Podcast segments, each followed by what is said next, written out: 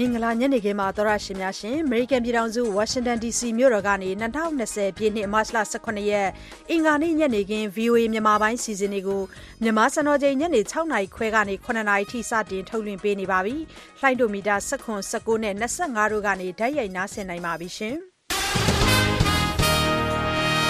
ကျမကစုမမအင်္ဂါညနေခင်းရဲ့အစီအစဉ်တွေကိုအစီအစဉ်မှုဖြစ်တာဝန်ယူတင်ဆက်ပေးသွားမှာဖြစ်ပါတယ်ရှင်။မင်္ဂလာညနေခင်းပါရှင်။ တရုတ်နိုင်ငံမှာစတင်ခဲ့တဲ့ကိုရိုနာဗိုင်းရပ်စ်ကူးစက်မှုနှုန်းကျဆင်းလာပေမဲ့ကမ္ဘာတဝန်းကူးစက်မှုတိုးလာနေတဲ့အပေါ်ထိန်းချုပ်ဖို့သက်ဆိုင်ရာအစိုးရတွေကအပြင်းထန်ကြိုးစားနေရပါတယ်။ကိုရိုနာဗိုင်းရပ်စ်ကူးစက်ပြန့်နှံ့မှာကိုစိုးရိမ်ပြီးတော့လူစုလူဝေးတွေကိုတားမြစ်တဲ့အနေနဲ့ဒီကနေ့အိုဟိုင်းယိုပြည်နယ်မှာကျင်းပမယ့်ဒီမိုကရက်ပါတီတွင်သမ္မတလောင်းပဏာမရွေးကောက်ပွဲကိုရွှေ့ဆိုင်းလိုက်ပါတယ်။တခါမြန်မာနိုင်ငံမှာလည်း COVID-19 ရောဂါကူးစက်ပြန့်ပွားလာမှာစိုးရိမ်တဲ့အတွက်မြန်မာနိုင်ငံတွင်နိုင်ငံခြားတန်ယုံတွေရဲ့အခမ်းအနားတွေအခမ်းပွဲတွေကိုဧပြီလကုန်ထိကျင်းပခွင့်ပိတ်လိုက်ပါတယ်။ဒီလိုထိတ်တန့်ရောက်သတင်းတွေကိုတော့မဆုမွန်နဲ့အတူတင်ပြပေးသွားမှာပါရှင်။ဟုတ်ကဲ့ပါရှင်။အင်္ဂါညနေခင်းအတွက်သောရရှင်တွေကိုတင်ဆက်ပေးမယ့်ထိတ်တန့်ရောက်သတင်းလွှာတွေထဲမှာတော့ကမ္ဘာ့ကပ်ရောဂါဖြစ်တဲ့ကိုရိုနာဗိုင်းရပ်စ်ကမ္ဘာတလွှမ်းကူးစက်ပြန့်နှံ့မှုတွေရဲ့ရိုက်ခတ်မှုတွေကြောင့်မြန်မာစီးပွားရေးအပေါ်မှာထိခိုက်သက်ရောက်မှုတွေနည်းစေဖို့အစိုးရကကူညီဆောင်ရွက်ပေးနေတဲ့အစီအစဉ်တချို့နဲ့ပတ်သက်ပြီးတော့ဘယ်လိုများသုံးသပ်သူတွေရဲ့အမြင်ရှိပါသလဲ။ပြန်ပြုချင်တာကတော့ဒီသူဖွဲ့ထားတဲ့အဖွဲ့အနေနဲ့သက်ဆိုင်ရာဆက်တာလိုက်ဟိုတွေးဆုံပြီးတော့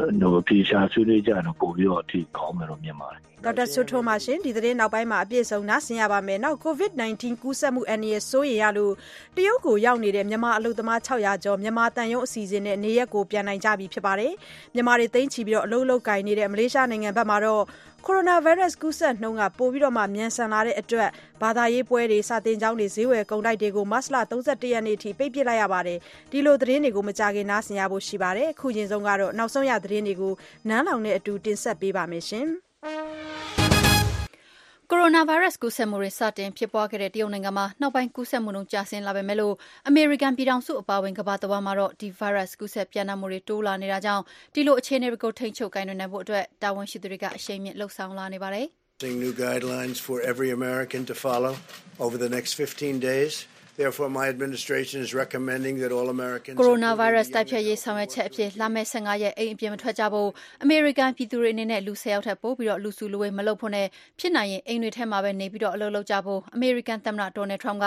တင်းလာနေကအိမ်ပြည်တော်ကနေတိုက်တွန်းသွားတာပါအခုဆိုရင်တော့ဗိုင်းရပ်စ်ပိုးရှိမရှိအလွယ်တကူစမ်းသပ်နိုင်မဲ့စင်တာတွေကိုလည်းအမေရိကန်ပြည်နယ်တချို့မှာစတင်လှုပ်ဆောင်နေပါပြီတခါပြည်နယ်အတော်များများမှာလည်းကျောင်းတွေကိုလည်းပိတ်ထားတဲ့အပြင်လူစုလူဝေးမလုပ်ဖို့လည်းအမေရိကန်တာဝန်ရှိသူတွေကတိုက်တွန်းထားတာပါ ကိုရိုနာဗိုင်းရပ်စ်ကူးစက်မှုတွေတိုးလာနေတဲ့ဥရောပနိုင်ငံတွေမှာလည်းမလိုအပ်ဘဲခရီးသွားလာမှုတွေရှောင်ရှားဖို့တိုက်တွန်းထားပြီး EU ဥရောပသမဂ္ဂနိုင်ငံတွေအနေနဲ့နယ်စပ်သွားလာမှုတွေပိတ်မယ့်အကြောင်းလည်းပြောဆိုထားပါတယ်။စပိန်နိုင်ငံမှာကူးစက်ခံထားရသူအရေအတွက်ကညတွင်းချင်းအဆ၂၀တိုးလာတာကြောင့်အစိုးရကအရေးပေါ်အခြေအနေကြေညာထားရပါတယ်။စပိန်နိုင်ငံမှာကိုရိုနာကူးစက်ခံထားရသူ၉,၀၀၀ကျော်ရှိနေပြီးသေဆုံးသူက၃၀၀ကျော်ပါတယ်။ဥရောပနိုင်ငံတွေထဲမှာကိုရိုနာဗိုင်းရပ်စ်ကူးစက်ခံရမှုအဆိုးဆုံးကတော့အီတလီနိုင်ငံမှာတနင်္လာနေ့အထိကူးစက်မှု၂၄,၀၀၀ကျော်ရှိလာခဲ့ပြီးကူးစက်ပြန့်နှံ့မှုစတင်ရာတရုတ်နိုင်ငံပြီးရင်အများဆုံးလည်းဖြစ်ပါတယ်။လက်ရှိကမ္ဘာတဝန်းကိုရိုနာဗိုင်းရပ်စ်ကူးစက်ခံရသူစုစုပေါင်းက၁သိန်း၇သောင်းလောက်ရှိနေပြီးသေဆုံးသူက၆,၅၀၀ကျော်ရှိပါတယ်။သေဆုံးသူအများစုကတော့တရုတ်နိုင်ငံကဖြစ်ပါတယ်။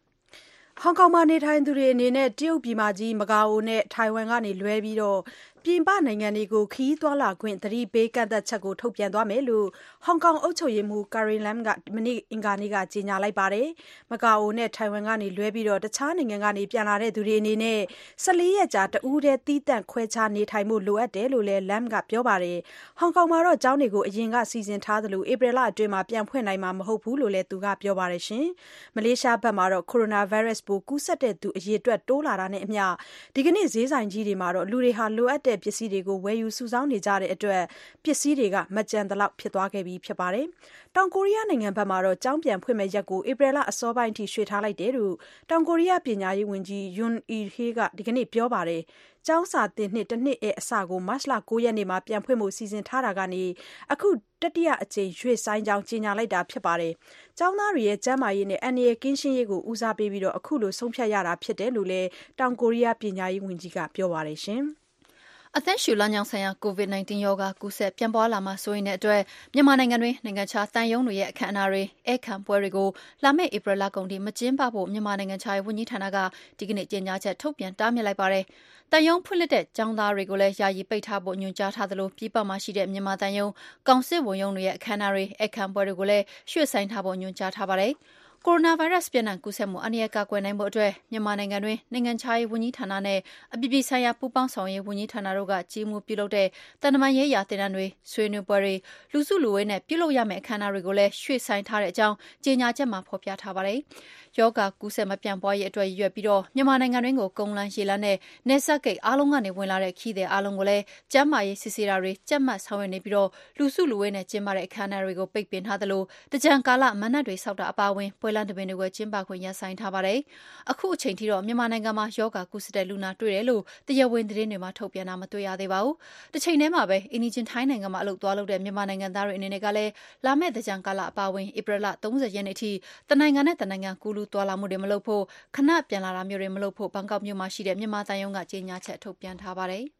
အမေရိကန် အစုရှယ်ယာဈေးကွက်တွေ နှစ်ပေါင်း ၃၀ အတွင်း အနိမ့်ဆုံးဈေးကျသွားပြီးတဲ့နောက်ပိုင်း အာရှ အစုရှယ်ယာ အများစုဟာလည်းအင်္ဂါနေ့မှာ အကျနဲ့ ဈေးပိတ်သွားခဲ့ပါတယ်။တရုတ်နစ်ခေးအညွှန်းကိန်းတွေအရတော့၁.၆၂ ရာခိုင်နှုန်း အကျနဲ့ ဈေးဖွင့်ခဲ့သလို တောင်ကိုရီးယား အစုရှယ်ယာတွေလည်း ၃.၀၂ ရာခိုင်နှုန်း အကျနဲ့ ဈေးဖွင့်ခဲ့ပါတယ်။ဟောင်ကောင် အညွှန်းကိန်းကတော့ ဈေးဖွင့်ချိန်မှာ ၁.၀၅ ရာခိုင်နှုန်း ကျပါတယ်။ရှန်ဟိုင်း အညွှန်းကိန်းကတော့ဝ.၁၈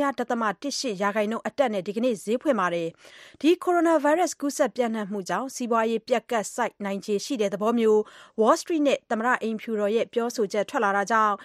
အမေရိကန်ရဲ့ အဓိက S&P 500 အစုရှယ်ယာဈေးကွက်က တနင်္လာနေ့က ၁၂ ရာခိုင်နှုန်းထိ ကျသွားခဲ့ပါတယ်။ကိုရိုနာဗိုင်းရပ်စ် ကူးစက်ပျံ့နှံ့မှုကြောင့် ဥရောပ အစုရှယ်ယာဈေးကွက်တွေလည်း တနင်္လာနေ့က အကျနဲ့ ဈေးပိတ်သွားခဲ့ပေမဲ့ ဒီကနေ့ အင်္ဂါနေ့မှာဈေးဖွင့်ချိန်မှာတော့ အနည်းငယ် ပြန်ပြီးဈေးတက်ခဲ့ပါတယ်။ဒါပေမဲ့လည်း ကမ္ဘာတဝန်း ကိုရိုနာဗိုင်းရပ်စ် အလျင်အမြန် ကူးစက်ပျံ့နှံ့နေတာကြောင့် ဥရောပတိုက်တခုလုံး အဝင်အထွက်ပိတ်မဲ့အနေအထား ဖြစ်နေသလို စီးပွားရေးပျက်ကပ်ဆိုက်တော့မလားဆိုတဲ့ စိုးရိမ်ချက်တွေလည်း ရှိနေတာကြောင့် အစုရှယ်ယာဈေးတွေ ပြန်ကျနေပြီး ဈေးကွက်အနေအထားကတော့ မတည်မငြိမ် ဖြစ်နေပါတယ်ရှင်။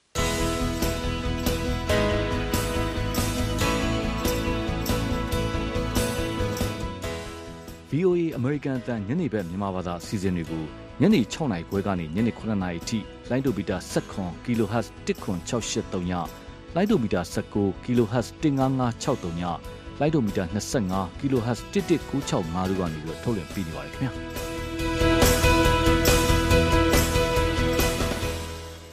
VOA မြန်မာပိုင်းရဲ့အင်္ဂါနေ့ညနေခင်းထိတ်တန့်ရောက်သတင်းတွေကိုဆက်ပြီးတော့တင်ပြနေပါတယ်။ကိုရိုနာဗိုင်းရပ်စ်ကူးစက်ပျံ့နှံ့မှုထိန်းချုပ်ရေးအပြင်းအထန်ကြိုးပမ်းတဲ့လုပ်ရပ်အဖြစ်မလိုအပ်ဘဲခရီးမထွက်ကြဖို့တားမြစ်မယ့်အစီအစဉ်ကိုဥရောပခေါင်းဆောင်တွေကပြင်ဆင်နေကြပါတယ်။ဒီရောဂါကြောင့်ကမ္ဘာတဝန်းကစီးပွားရေးထိခိုက်နေရသလိုလူတွေလည်းထောင်နဲ့ချီသေဆုံးခဲ့ရတာပါ။ ပြင်သစ်သမ္မတ Emmanuel Macron က ကိုရိုနာဗိုင်းရပ်စ်ကြောင့်ဖြစ်တဲ့ COVID-19 ရောဂါတိုက်ဖျက်ရေးဆောင်ရွက်ချက်တွေကို စစ်ပွဲတခုကိုတိုက်နေရသလိုရည်ညွှန်းပြောဆိုခဲ့ပါတယ်။ကမ္ဘာ့နိုင်ငံအတော်များများကလည်းရောဂါထိန်းချုပ်ရေးဆောင်ရွက်ချက်အဖြစ်လူတွေရဲ့အသွားအလာအဝင်အထွက်ကိုကန့်သတ်ထားတာပါ။နိုင်ငံအတော်များများကလည်းနယ်စပ်တွေကိုပိတ်ထားသလိုလူတွေကိုလည်းအိမ်ထဲမှာနေကြဖို့တိုက်တွန်းထားပါတယ်။ COVID-19 ကြောင့်သေဆုံးသူတွေဟာတရုတ်ပြီးရင်ဥရောပမှာအများဆုံးဖြစ်နေပါတယ် ကမ္ဘာတဝန်းသေဆုံးသူ9000ကျော်တဲ့ကအီတလီတနိုင်ငံထဲမှာတင်သေဆုံးသူက2000ကျော်ရှိနေတာပါပြင်သစ်မှာတော့ဒီကနေ့ညတကောင်ကစပြီးတော့လူတွေကို15ရက်အိမ်ပြင်မထွက်ရအမိန့်ကိုသမ္မတမက်ခရွန်ကနိုင်ငံတော်မိန့်ခွန်းထဲမှာထည့်သွင်းကြေညာသွားပါတယ်မလို့အပဲအသွားလာမလုပ်ဖို့နဲ့လိုက်နာမှုမရှိရင်ရေးယူမယ်လို့လည်းသမ္မတမက်ခရွန်ကတတိပေးခဲ့ပါတယ်ဂျာမနီနိုင်ငံမှာလည်းကျောင်းတွေအားလုံးကိုပိတ်ထားသလိုကိုရိုနာဗိုင်းရပ်စ်ပြန့်ပွားမှုကိုထိန်းချုပ်နိုင်ဖို့ပြည်တွင်းပြည်ပအားလျက်ခီးစဉ်တွေအားလုံးကိုဖျက်ပြီးအိမ်ထဲမှာနေကြဖို့ဝန်ကြီးချုပ်အန်ဂလာမာကဲကနိုင်ငံကိုတနင်္လာနေ့မှာတိုက်တွန်းထားတာပါ။ဥရောပဥရောပကော်မရှင်ဥက္ကဋ္ဌ Ursula von der Leyen ကလည်းတနိုင်ငံနဲ့တနိုင်ငံနယ်စည်းအကန့်အသတ်မရှိသွားလာနိုင်တဲ့ဥရောပ Schengen ဗီဇာတွေကိုမလိုအပ်ရင်ထုတ်မပေးဖို့သက်ဆိုင်ရာဥရောပခေါင်းဆောင်တွေကိုတိုက်တွန်းသွားမယ်လို့ပြောဆိုထားပါတယ်။ ကိုရိုနာဗိုင်းရပ်စ်ပျံ့နှံ့ကူးစက်နေတာကြောင့် ဥရောပဘောလုံးပွဲတွေအပေါ် ရိုက်ခတ်မှုတွေနဲ့ ပတ်သက်ပြီး ဥရောပဘောလုံးအဖွဲ့ချုပ် UEFA တာဝန်ရှိသူတွေ ဒီကနေ့ Video Conference ခေါ်ပြီး ဆွေးနွေးကြဖို့ ရှိပါတယ်။ဆွေးနွေးကြမယ့် ကိစ္စတွေထဲမှာ ဇွန်လကျရင် စတင်ကျင်းပဖို့ စီစဉ်ထားတဲ့ Euro 2020 ပြိုင်ပွဲတွေကို ရွှေ့မလားဆိုတာလည်း ပါဝင်ပါတယ်။ ဥရောပဘောလုံးကလပ်အသင်းတွေနဲ့ပြိုင်ပွဲကျင်းပတဲ့အဖွဲ့တွေကကိုယ်စားလှယ်တွေပါဝင်ဆွေးနွေးကြမှာဖြစ်ပါတယ်။ Euro 2020ပြိုင်ပွဲကိုတနှစ်ကြာရွှေ့ဆိုင်းထားဖို့ UEFA ကဆုံးဖြတ်ဖွယ်ရှိတယ်လို့လည်းခန့်မှန်းထားပါတယ်။ Euro 2020ဘောလုံးပွဲဖွင့်ပွဲကိုဇွန်လ၁၂ရက်နေ့အီတလီနိုင်ငံရောမမြို့မှာလုပ်ဖို့စီစဉ်ထားတာဖြစ်ပါတယ်။ဥရောပမြို့ကြီး၁၂မြို့မှာကျင်းပမှာဖြစ်ပြီးနောက်ဆုံးဗိုလ်လုပွဲကတော့ဗြိတိန် Wembley ဘောလုံးကွင်းမှာပြုလုပ်ဖို့စီစဉ်ထားတာပါ။ဒါ့အပြင်၁၆သင်းအဆင့်မှာပဲရပ်နေတဲ့ Champions League ပွဲတွေနဲ့ပတ်သက်ပြီးဘာဆက်လုပ်ကြမလဲဆိုတာကိုလည်း UEFA ကဆွေးနွေးမှာဖြစ်ပါတယ်။ကိုရိုနာဗိုင်းရပ်စ် ပျံ့နှံ့ကူးစက်နေနေတဲ့အခြေအနေက လာမယ့် ဇွန်လလောက်မှာလျော့ပါးသက်သာသွားပြီး အားကစားပြိုင်ပွဲတွေ ပုံမှန်အတိုင်း ပြန်ကျင်းပနိုင်မယ်ဆိုရင်တော့ အင်္ဂလန် ပရီးမီးယားလိဂ်ပွဲတွေအပါအဝင် စပိန်၊အီတလီ၊ဂျာမနီ၊ပြင်သစ်နဲ့ တခြားနိုင်ငံတွေက ကလပ်အသင်းပြိုင်ပွဲတွေအနေနဲ့ ပွဲစဉ်တွေကို အပြီးသတ်ကစားဖို့ အချိန်တခုရလာမှာ ဖြစ်ပါတယ်။ ကိုရိုနာဗိုင်းရပ်စ် ကူးစက်ပျံ့နှံ့မှာကို စိုးရိမ်ပြီး လူစုလူဝေးကို တားမြစ်တဲ့အနေနဲ့ ဒီကနေ့ Ohio ပြည်နယ်မှာ ကျင်းပမယ့် ဒီမိုကရက်တစ်ပါတီတွင်း သမ္မတလောင်း ပဏာမ ရွေးကောက်ပွဲကို ရွှေ့ဆိုင်းလိုက်တဲ့အကြောင်း Ohio ပြည်နယ် အုပ်ချုပ်ရေးမှူး Mike DeWine က တနင်္လာနေ့ညက ကြေညာပါတယ်။ ဗိုင်းရပ်စ်ပိုးကူးစက်သူ၅၀လောက်တွေ့ထားတဲ့ Ohio ပြည်နယ်မှာ မဲရုံဝန်ထမ်းတွေ၊မဲပေးသူတွေအတွက် တခါမှမကြုံဖူးတဲ့ ကျန်းမာရေးဆိုင်ရာ အန္တရာယ်ကျရောက်နိုင်တယ်ဆိုပြီး ပြည်နယ်အုပ်ချုပ်ရေးမှူးက ပြောဆိုထားပါတယ်။ဒါပေမယ့်လည်း တခြားပြည်နယ်သုံးခုဖြစ်တဲ့ Florida, Illinois နဲ့ Arizona ပြည်နယ်သုံးခုကတော့ ပါတီတွင်း သမ္မတလောင်းရွေးချယ်ပွဲတွေ စီစဉ်ထားတဲ့အတိုင်း ကျင်းပမှာပါ။ Florida ပြည်နယ်မှာ ကိုရိုနာဗိုင်းရပ်စ်ရောဂါ ကူးစက်သူ ၁၄၀ ကျော်တွေ့ထားပါတယ်။မဲပေးတဲ့သူတွေ မဲရုံထဲမှာ ခဏပဲ ဝင်ပေးမှာမို့ စိုးရိမ်ထိတ်လန့်စရာ မရှိပါဘူးလို့ Florida အုပ်ချုပ်ရေးမှူး Ron DeSantis က ပြောဆိုထားပါတယ်။ဒီမိုကရက်တစ်ပါတီတွင်း ဒုသမ္မတဟောင်း Joe Biden နဲ့ Vermont ပြည်နယ် အထက်လွှတ်တော်အမတ် Bernie Sanders တို့ ပါတီကိုယ်စားပြု သမ္မတလောင်းဖြစ်ရေး အဓိက ယှဉ်ပြိုင်နေပြီး ကျင်းပပြီးခဲ့တဲ့ ရွေးကောက်ပွဲတွေအရ Joe Biden က အသာစီးရနေပါတယ်။ ဆက်ပြီးထိုင်းနိုင်ငံဘက်ကသတင်းတပုဒ်ကိုဆက်ချင်ပါတယ်။ထိုင်းနိုင်ငံအစိုးရအပေါ်တော်လှန်ပုန်ကန်မှုတွေဖြစ်လေ့ရှိတဲ့နိုင်ငံတောင်ပိုင်းကအစိုးရရုံးတခုဒီကနေ့ဗုံးခွဲတိုက်ခိုက်ခံခဲ့ရပါတယ်။ဒီဗုံးခွဲတိုက်ခိုက်မှုအတွင်းလူ၂၀ထက်မနည်းအနည်းငယ်ထိခိုက်ဒဏ်ရာရသွားခဲ့ပါတယ်။ထိုင်းနိုင်ငံတောင်ပိုင်းနယ်စပ်မှာရှိတဲ့ Yala ခရိုင်အစိုးရရုံးကိုကားဗုံးတခုအပြင်လက်ပစ်ဗုံးတခုနဲ့ပါသုံးပြီးတိုက်ခိုက်ခဲ့တာလို့ဗိုလ်မှူး Pramuk Prawn ကပြောပါတယ်။ COVID-19 ရောဂါနဲ့ပတ်သက်ပြီး အစည်းအဝေးတက်ဖို့ အဲဒီရုံးကို ဒေသန္တရအစိုးရ တာဝန်ရှိသူတွေ ရာနဲ့ချီ ရောက်ရှိနေချိန်မှာအဲဒီအခင်းဖြစ်ပွားခဲ့တာလို့ ဗိုလ်မှူး Prawn က ပြောပါတယ်။လူပေါင်း ၂၀ ထိခိုက်ဒဏ်ရာရကြောင်း ဆေးရုံတခုကလည်း အတည်ပြုပါတယ်။ဒါပေမယ့်ဒီဗုံးခွဲတိုက်ခိုက်မှုနဲ့ပတ်သက်ပြီး ဘယ်သူကမှ သူတို့လက်ချက်ဖြစ်တယ်ဆိုတာပြောဆိုထားတာ မရှိသေးပါဘူး။ထိုင်းနိုင်ငံတောင်ပိုင်းက ပြည်နယ်သုံးခုမှာ ၂၀၀၄ ခုနှစ်ကတည်းက မွတ်ဆလင်ခွဲထွက်ရေးသူပုန်တွေရဲ့ အကြမ်းဖက်လုပ်ရပ်တွေကြောင့် ခန့်မှန်းခြေအနည်းဆုံးလူ၇ထောင်ထက်မနည်းသေဆုံးခဲ့ရပြီးဖြစ်ပါတယ်။ Direct from Washington, the voice of America, VOA. အင်္ဂါညချမ်းအတွက်နောက်ဆုံးသိထားတဲ့သတင်းတွေကိုနန်းလောင်နဲ့အတူတင်ပြပေးခဲ့တာဖြစ်ပါတယ်။ VOA ကနေခုထုတ်လွှင့်ပေးနေတဲ့ရေဒီယိုအစီအစဉ်တွေကိုထုတ်လွှင့်နေချိန်နဲ့တပြိုင်နက်တည်း VOA ရဲ့ website စာမျက်နှာဖြစ်တဲ့ burmese.voanews.com နဲ့ VOA ရဲ့ Facebook လူမှုကွန်ရက်စာမျက်နှာမှာလည်းအချိန်နဲ့တပြေးညီနားဆင်နိုင်ကြောင်းပါ။အခုအရင်ဆုံးအင်္ဂါညနေခင်းအတွက်ထိပ်တန်းရောက်သတင်းလွှာတွေနဲ့သတင်းပေးပို့ချက်တွေကိုဆက်တိုက်တင်ဆက်ပေးချင်ပါတယ်။ကမ္ဘာတလွှားကိုရိုနာဗိုင်းရပ်စ်ကူးစက်ပျံ့နှံ့မှုရဲ့ရိုက်ခတ်မှုကြောင့်စီးပွားရေးအပေါ်သက်ရောက်မှုနည်းစေဖို့အစိုးရကကူညီဆောင်ရွက်ပေးမယ့်အစီအစဉ်အချို့နဲ့ပတ်သက်လို့သုံးသပ်သူအချို့ကဘယ်လိုထောက်ပြမှုတွေရှိသလဲဆိုတာကိုပြောပြပေးမှာပါ။ မနေ့က နိုင်ငံတော်အတိုင်ပင်ခံမိန့်ခွန်းထဲမှာ မြန်မာနိုင်ငံမှာ လက်ရှိချိန်ထိ ကိုရိုနာဗိုင်းရပ်စ် ကူးစက်ခံထားရသူ တဦးမှ မရှိသေးပေမဲ့ ကိုရိုနာဗိုင်းရပ်စ် ကူးစက်ပျံ့နှံ့မှုရဲ့ ရိုက်ခတ်မှုကြောင့်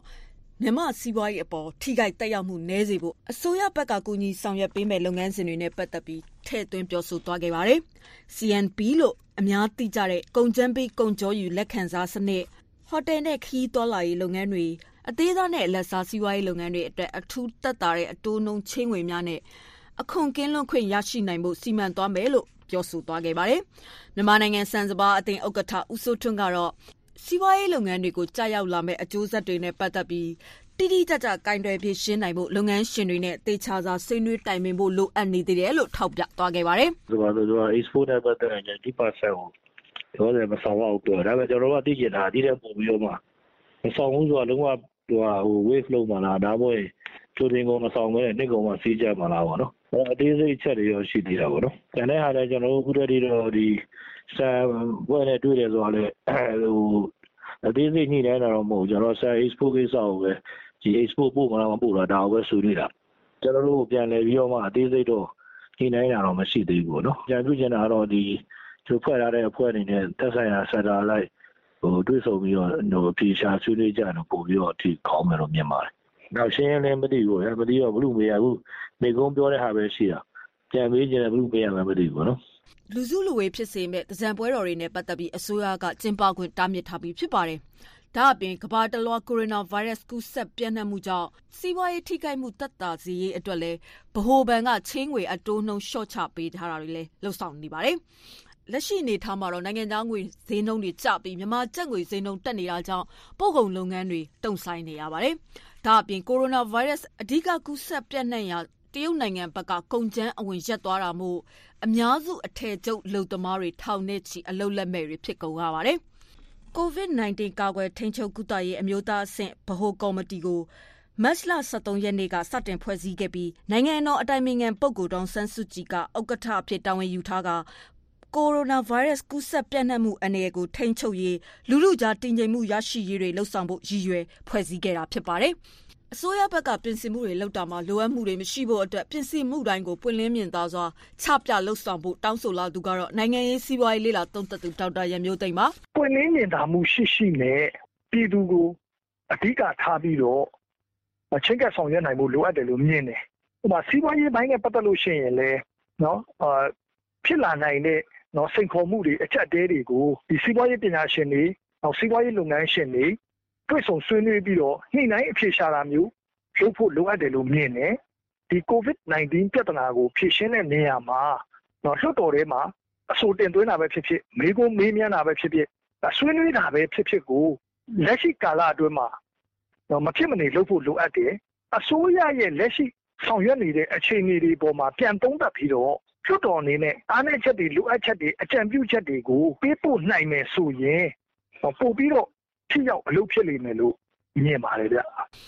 လက်ရှိမှာတော့ကိုရိုနာဗိုင်းရပ်စ်ကူးစက်ပြန့်နှံ့မှုအဆိုးဆုံးဖြစ်နေတဲ့နိုင်ငံ9နိုင်ငံကခရီးသည်တွေမြန်မာနိုင်ငံကိုဆိုက်ရောက်ချိန်မှာ14ရက်ကြာတီးခြားခွဲခြားစစ်ဆေးမဲ့အစီအစဉ်တွေလုပ်တာကိုရိုနာဗိုင်းရပ်စ်စတင်ဖြစ်ပွားရာတရုတ်နိုင်ငံဟူဘေးပြည်နယ်နောက်ပြီးဗိုင်းရပ်စ်အဆိုးဆုံးကူးစက်ပြန့်နှံ့ရာဒေသတစ်ခုဖြစ်တဲ့တောင်ကိုရီးယားနိုင်ငံ ဒေဂူးနဲ့ဂျောင်ဘွတ်ပြည်နယ်တွေကို ပြီးခဲ့တဲ့သတင်းနှစ်ပတ်အတွင်းခီးသွားတဲ့သူတွေကိုဝင်ခွင့်မပြုတော့တာ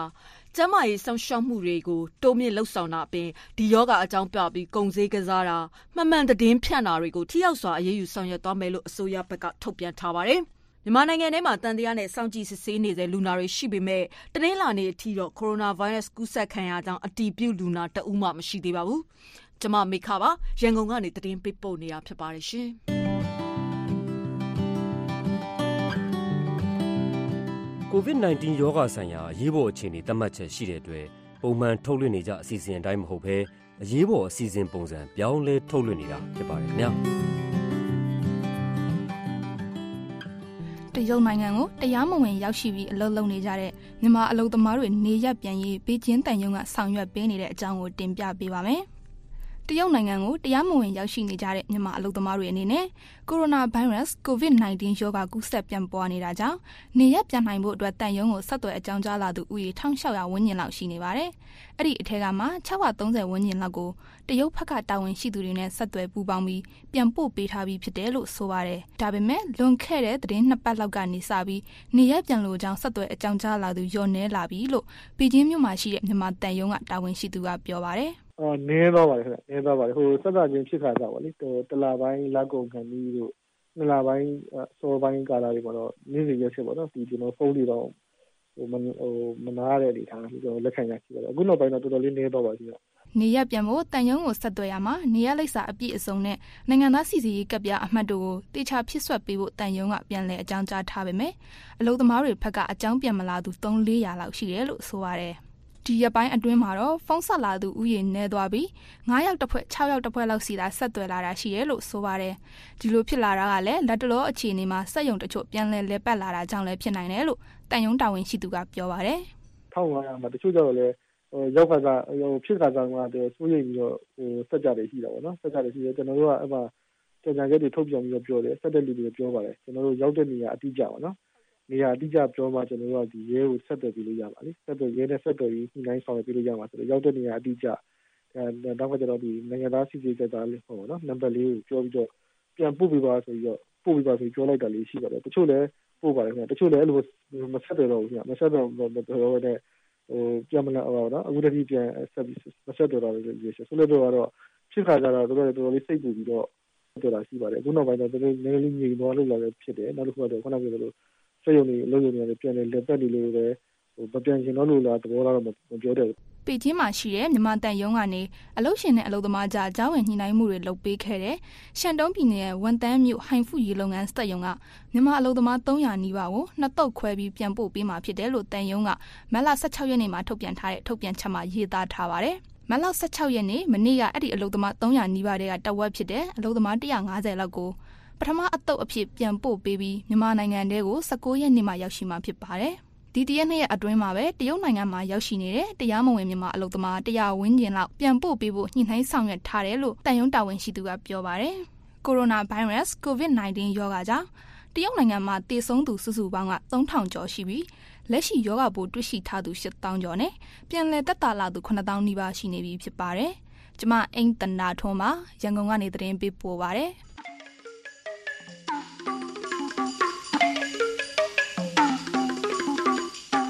ရိုနာဗိုင်းရပ်စ်ပြန့်နှံ့ကူးစက်မဲ့အန္တရာယ်ကို တားဆီးကာကွယ်ဖို့ မြန်မာတာဝန်ရှိသူတွေ အရှိန်မြှင့်လှုံ့ဆော်နေပြီး ပိတ်ပင်ကန့်သတ်ချက်တွေကိုလည်း ချမှတ်ထားပြီးဖြစ်ပါတယ်။ဒီအခြေအနေက မြန်မာလူထုရဲ့ နေ့တဓူဝ သွာလာနေထိုင် လုပ်ကိုင်လှုပ်ရှားမှုတွေမှာ ဘယ်လောက်အထိ ရိုက်ခတ်မှုရှိနေပါပြီလဲ။တတိထားနေထိုင်ကြတဲ့ အခြေအနေမှာရော ရှိနေပါပြီလား။အင်္ဂါညဒိုင်းလေလိုင်းအစီအစဉ်မှာ ဆွေးနွေးကြရအောင်ပါ။ဒီအစီအစဉ်မှာဒိုင်းရဲ့ပါဝင်ဆွေးနွေးခြင်းနဲ့ဆိုရင် ဆက်သွယ်ရမယ့် ဖုန်းနံပါတ်ကို အင်္ဂါညမီ ပို့ထားပေးပါ။ကိုဆွေးနွေးကြတာကို စာနယ်ပဲဖြစ်ဖြစ်အတန်ဖိုင်နဲ့ပဲဖြစ်ဖြစ် ကြိုတင်ပေးပို့ထားလို့ရတယ်လို့ VOA ရဲ့ Facebook မှာလည်း မှတ်ချက်ပေးထားလို့ရပါတယ်။တင်လျော်တဲ့ ဆွေးနွေးချက်တွေကို ကောက်နှုတ် ထုတ်လွှင့်ပေးသွားမှာဖြစ်ပါတယ်။ VOA ရဲ့ ဖုန်းနံပါတ်က12392355554အီးမေးလ်လိပ်စာက burmese@voanews.com Facebook က VOA Burmese News ဖြစ်ပါတယ်။ပါဝင်ဆွေးနွေးကြဖို့ သောရရှင်တွေအားလုံးကို ဖိတ်ခေါ်ပါခင်ဗျာ။ဒေသတွင်းမှာ ကိုရိုနာဗိုင်းရပ်စ် ကူးစက်မှု အဆိုးဆုံးဖြစ်နေတဲ့ မလေးရှားနိုင်ငံထဲက မြန်မာအလုပ်သမားတွေရဲ့ အခြေအနေတွေကို တင်ဆက်ပေးပါမယ်။မြန်မာရွှေ့ပြောင်းအလုပ်သမား9သိန်းထက်မနည်း အလုပ်လုပ်ကိုင်နေတဲ့ မလေးရှားနိုင်ငံမှာ နေ့စဉ် ကိုရိုနာဗိုင်းရပ်စ် ကူးစက်မှုက ရာဂဏန်းထိ ရှိလာနေတာကြောင့် စာသင်ကျောင်းနဲ့ ဈေးဝယ်ကုန်တိုက်တွေ ဘာသာရေးပွဲတွေအားလုံး မတ်လ23ရက်နေ့ကနေ31ရက်နေ့ထိ ပိတ်ပစ်လိုက်ရပါပြီ။ဒီအခြေအနေတွေကြောင့် မလေးရှားရောက် မြန်မာတွေ အပြင်ကို သိမ့်မထွက်ကြဖို့ နေရပြန်တာတွေနဲ့ တနိုင်ငံနဲ့ တနိုင်ငံ ကူးလူးသွားလာတာတွေ မလုပ်ဖို့အတွက် မလေးရှားနိုင်ငံ မြန်မာတန်ယုံကမတ်လ18ရက်နေ့မှာ ကြေညာချက် ထုတ်ပြန်ခဲ့ပါတယ်။ မလေးရှားနိုင်ငံမှာ ကိုရိုနာဗိုင်းရပ်စ် ကူးစက်ခံရမှုနှုန်းက နေ့စဉ် လူ ၁၀၀ ကျော်ကို ကူးစက်လာတာကြောင့် အစိုးရက ကျောင်းတွေပိတ်တာ ဘာသာရေးပွဲတွေကို ပိတ်တာတွေ လုပ်လာပြီဖြစ်ကြောင်း မလေးရှားနိုင်ငံ မြန်မာအလုပ်သမားသံအရာရှိ ဦးအောင်ဇော်မင်းက အခုလိုပြောပြပါတယ်။"လောလောဆယ်တော့ ကူးစက်မှုနှုန်းက မနေ့ကအထိတော့ အရမ်းမြန်နေတယ်။မနေ့က တရက်တည်းကို ၁၂၅ အရင်နေ့က ၁၄၀ဆိုတော့အခုလောလောဆယ် လက်ရှိတော့ ၅၅၃ ယောက်ထိ ရှိလာပြီ။ ဒီနေ့တော့ ကြေညာချက်ထွက်တာတော့ မတွေ့သေးဘူး။အဲဒီတော့ မနေ့ကညကပဲ ဝန်ကြီးချုပ်က ပြည်သူတွေအားလုံး မိန့်ခွန်းပြောပြီးတော့ အကုန်လုံးကို အဝင်အထွက်တွေလည်း ပိတ်လိုက်တယ်။စာသင်ကျောင်းတွေလည်း အကုန်လုံးပိတ်လိုက်တယ်။နောက်တခုက ကုန်တိုက်တွေ အကုန်လုံးပိတ်တယ်။စားသောက်ကုန်တိုက်ကလွဲရင် ကျန်တဲ့ကုန်တိုက်တွေ အကုန်ပိတ်တယ်။ဘာသာရေးပွဲတွေ အကုန်လုံးပိတ်တယ်။အကုန်ပေါ့နော်အကုန်လုံးကို လောလောဆယ်တော့နှစ်ပတ်ထိပေါ့။၁၈ ရက်နေ့ကနေ ၃၁ ရက်နေ့ထိ အကုန်လုံး ယာယီပိတ်ထားတယ်နှစ်ပတ်။"မြန်မာသံရုံးအနေနဲ့လည်း သတိထားသင့်တာတွေကို ပညာပေးတွေ လုပ်နေပါတယ်ဆိုပြီးပြောပြပါတယ်။"လောလောဆယ်တော့ ကလေးတွေကိုဝမ်ဗိုင်းရပ်စ် မဖြစ်အောင်လို့ အပြင်ကို အတတ်နိုင်ဆုံး မထွက်ဖို့ပေးချင်တယ်။နောက်တခုက တကိုယ်ရေသန့်ရှင်းဖို့ရှိဖို့ နောက်တခုကလက်တွေ သေချာဆေးဖို့ ကျနော်တို့ဆီကို လှမ်းစုံစမ်းတဲ့ ကလေးတွေ မှန်သမျှတော့အခြေခံကာကွယ်နည်းပေါ့နော်။နောက်တခုက အေးအေးဝါးဝါးအိပ်ဖို့ နောက်တခုက ကိုယ်ခံအားကောင်းအောင် အစားအသောက်တွေ ကောင်းကောင်းစားဖို့အသိပညာပေးနေတယ်ပေါ့နော်။"မလေးရှားနိုင်ငံမှာ အဓိက ကူးစက်နေတာဟာ ဗလီတွေက ဖြစ်တာကြောင့် အစိုးရက ဘာသာရေးပွဲတွေကို ပိတ်ပစ်ပြီး ကူးစက်မှုတွေ ထပ်မဖြစ်အောင် လုပ်ဆောင်နေတယ်လို့လည်း မြန်မာအလုပ်သမားသံအရာရှိ ဦးအောင်ဇော်မင်းက ပြောပြပါတယ်။" အဓိက ကူးစက်နေတာက ဒီနိုင်ငံက ဗလီပေါ့နော်။ဗလီကို ပြီးခဲ့တဲ့စီတီပတလင်းဘက်မှာ လူပေါင်းတသောင်းခွဲကျော်လောက် ဗလီတက်လိုက်တယ်။ဘရူနိုင်းဘက်ကနေ လာပြီးတက်တဲ့ ၆ ယောက်လားမသိဘူး။၆ယောက်က အဲဒီကနေတဆင့် ပြန်ပွားပြီးအခု အဲဒီလူတွေကိုပဲ အဓိကထားကူးနေတာပေါ့နော်။အဲဒီလူတွေကိုပဲအစိုးရလိုက်ပြီးကြေညာတယ်ခေါ်တယ် စစ်တယ်အဲဒီကနေ ကူးနေတာ။"မလေးရှားနိုင်ငံမှာ တရားဝင်ကော တရားမဝင်ပါ မြန်မာအလုပ်သမား ၅ သိန်းထက်မနည်း ရှိနေပြီး မတ်လ ၁၆ ရက်နေ့ညကတော့ ဈေးဝယ်ကုန်တိုက်တွေမှာ အစားအသောက်တွေကို အလုအယက် ဝယ်ယူနေတာတွေကို လုပ်နေကြတယ်လို့လည်း ဆိုပါတယ်။မတ်လ18ရက်နေ့မှာတော့ လူတွေလည်း အပြင်ကို သိမ့်မထွက်ရဲကြပဲသတိနဲ့ နေထိုင်နေတယ်ဆိုပြီးမလေးရှားရောက် မြန်မာတွေက ပြောဆိုခဲ့ပါတယ်။ကျမအေးအေးမှာပါထိုင်းမြန်မာနယ်စပ်ကနေ သတင်းပေးပို့နေတာဖြစ်ပါတယ်ရှင်။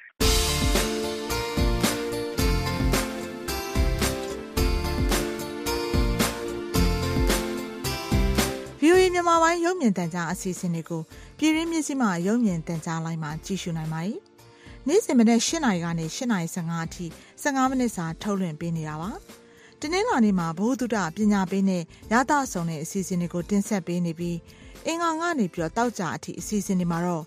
နောက်ဆုံးရကမ္ဘာသတင်းတွေဖြောပြရေးသတင်းတွေနဲ့ပြည်ရင်းစည်းကွက်သတင်းတွေကိုတင်ဆက်ပေးနေပါတယ်။ဒီအစီအစဉ်တွေကိုမြစ်စီမရဲ့ Facebook စာမျက်နှာမှာလည်းကြည့်ရှုလို့ရပါတယ်။ VOA အစီအစဉ်တွေနဲ့ပတ်သက်လို့အကြံပြုခြင်းနဲ့ဆိုရင်တော့ VOA မြန်မာပိုင်း Facebook Messenger ကနေစာရေးအကြံပြုနိုင်ပါတယ်ရှင်။ VOA ကိုအားပေးတဲ့အတွက်အထူးကျေးဇူးတင်ပါတယ်။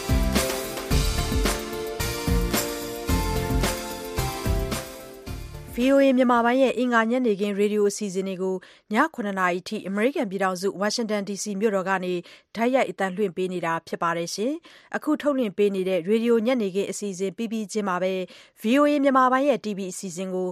9:00နာရီကနေ9:00နာရီခွဲအထိတိုက်ရိုက်ထုတ်လွှင့်ပေးဖို့ရှိတာမို့စောင့်မျှော်ရှုစားနိုင်ကြပါတယ်ရှင်။ VOA ကနေနောက်2နာရီကြာည9:00နာရီကနေ10:00နာရီအထိထုတ်လွှင့်ပေးမယ့်အစီအစဉ်တွေမှာတော့နောက်ဆုံးရသတင်းတွေနဲ့အတူအပတ်စဉ်ထုတ်လွှင့်ပေးနေကြကဏ္ဍတွေဖြစ်တဲ့အမေရိကန်နိုင်ငံရေးအကြောင်း သတင်းဆောင်ပါနဲ့ ပုံမှန်ထုတ်လွှင့်ပေးနေကြအင်္ဂါညဓာတ်ရိုက်လေလိုက်ဆွေးနွေးခန်းတွေကိုဓာတ်ရိုက်နားဆင်ရဖို့ ရှိပါတယ်ရှင်။အင်္ဂါညရဲ့ အစီအစဉ်တွေ မကြခင် အဆုံးသတ်တော့မှာပါ အခုကြံနေသေးတဲ့အချိန်မှာတော့ နောက်ဆုံးရ သတင်းချင်းချုပ်ကို နန်းလောင်တလှည့်ပြောပြပေးပါအောင် ရှင်။ကိုရိုနာဗိုင်းရပ်စ်ကူးစက်မှုတွေစတင်ဖြစ်ပွားတဲ့တရုတ်နိုင်ငံမှာနောက်ပိုင်းကူးစက်မှုနှုန်းကျဆင်းလာပေမဲ့အမေရိကန်ပြည်ထောင်စုအပါအဝင်ကမ္ဘာတဝန်းမှာတော့ဒီဗိုင်းရပ်စ်ကူးစက်ပျံ့နှံ့မှုတွေတိုးလာနေတာကြောင့်ဒီလိုအခြေအနေတွေကိုထိန်းချုပ်ကိုင်တွယ်ဖို့အတွက်တာဝန်ရှိသူတွေကအရှိန်မြင့်လှုံ့ဆော်လာနေပါတယ်။ကိုရိုနာဗိုင်းရပ်စ်တိုက်ဖျက်ရေးဆောင်ရွက်ချက်အဖြစ်လာမယ့်၁၅ရက်အတွင်းအိမ်ပြင်မထွက်ကြဖို့နဲ့အမေရိကန်ပြည်သူပြည်သားတွေအနေနဲ့လူ၁၀ယောက်ထက်ပိုပြီးလူစုလူဝေးမလုပ်ဖို့အိ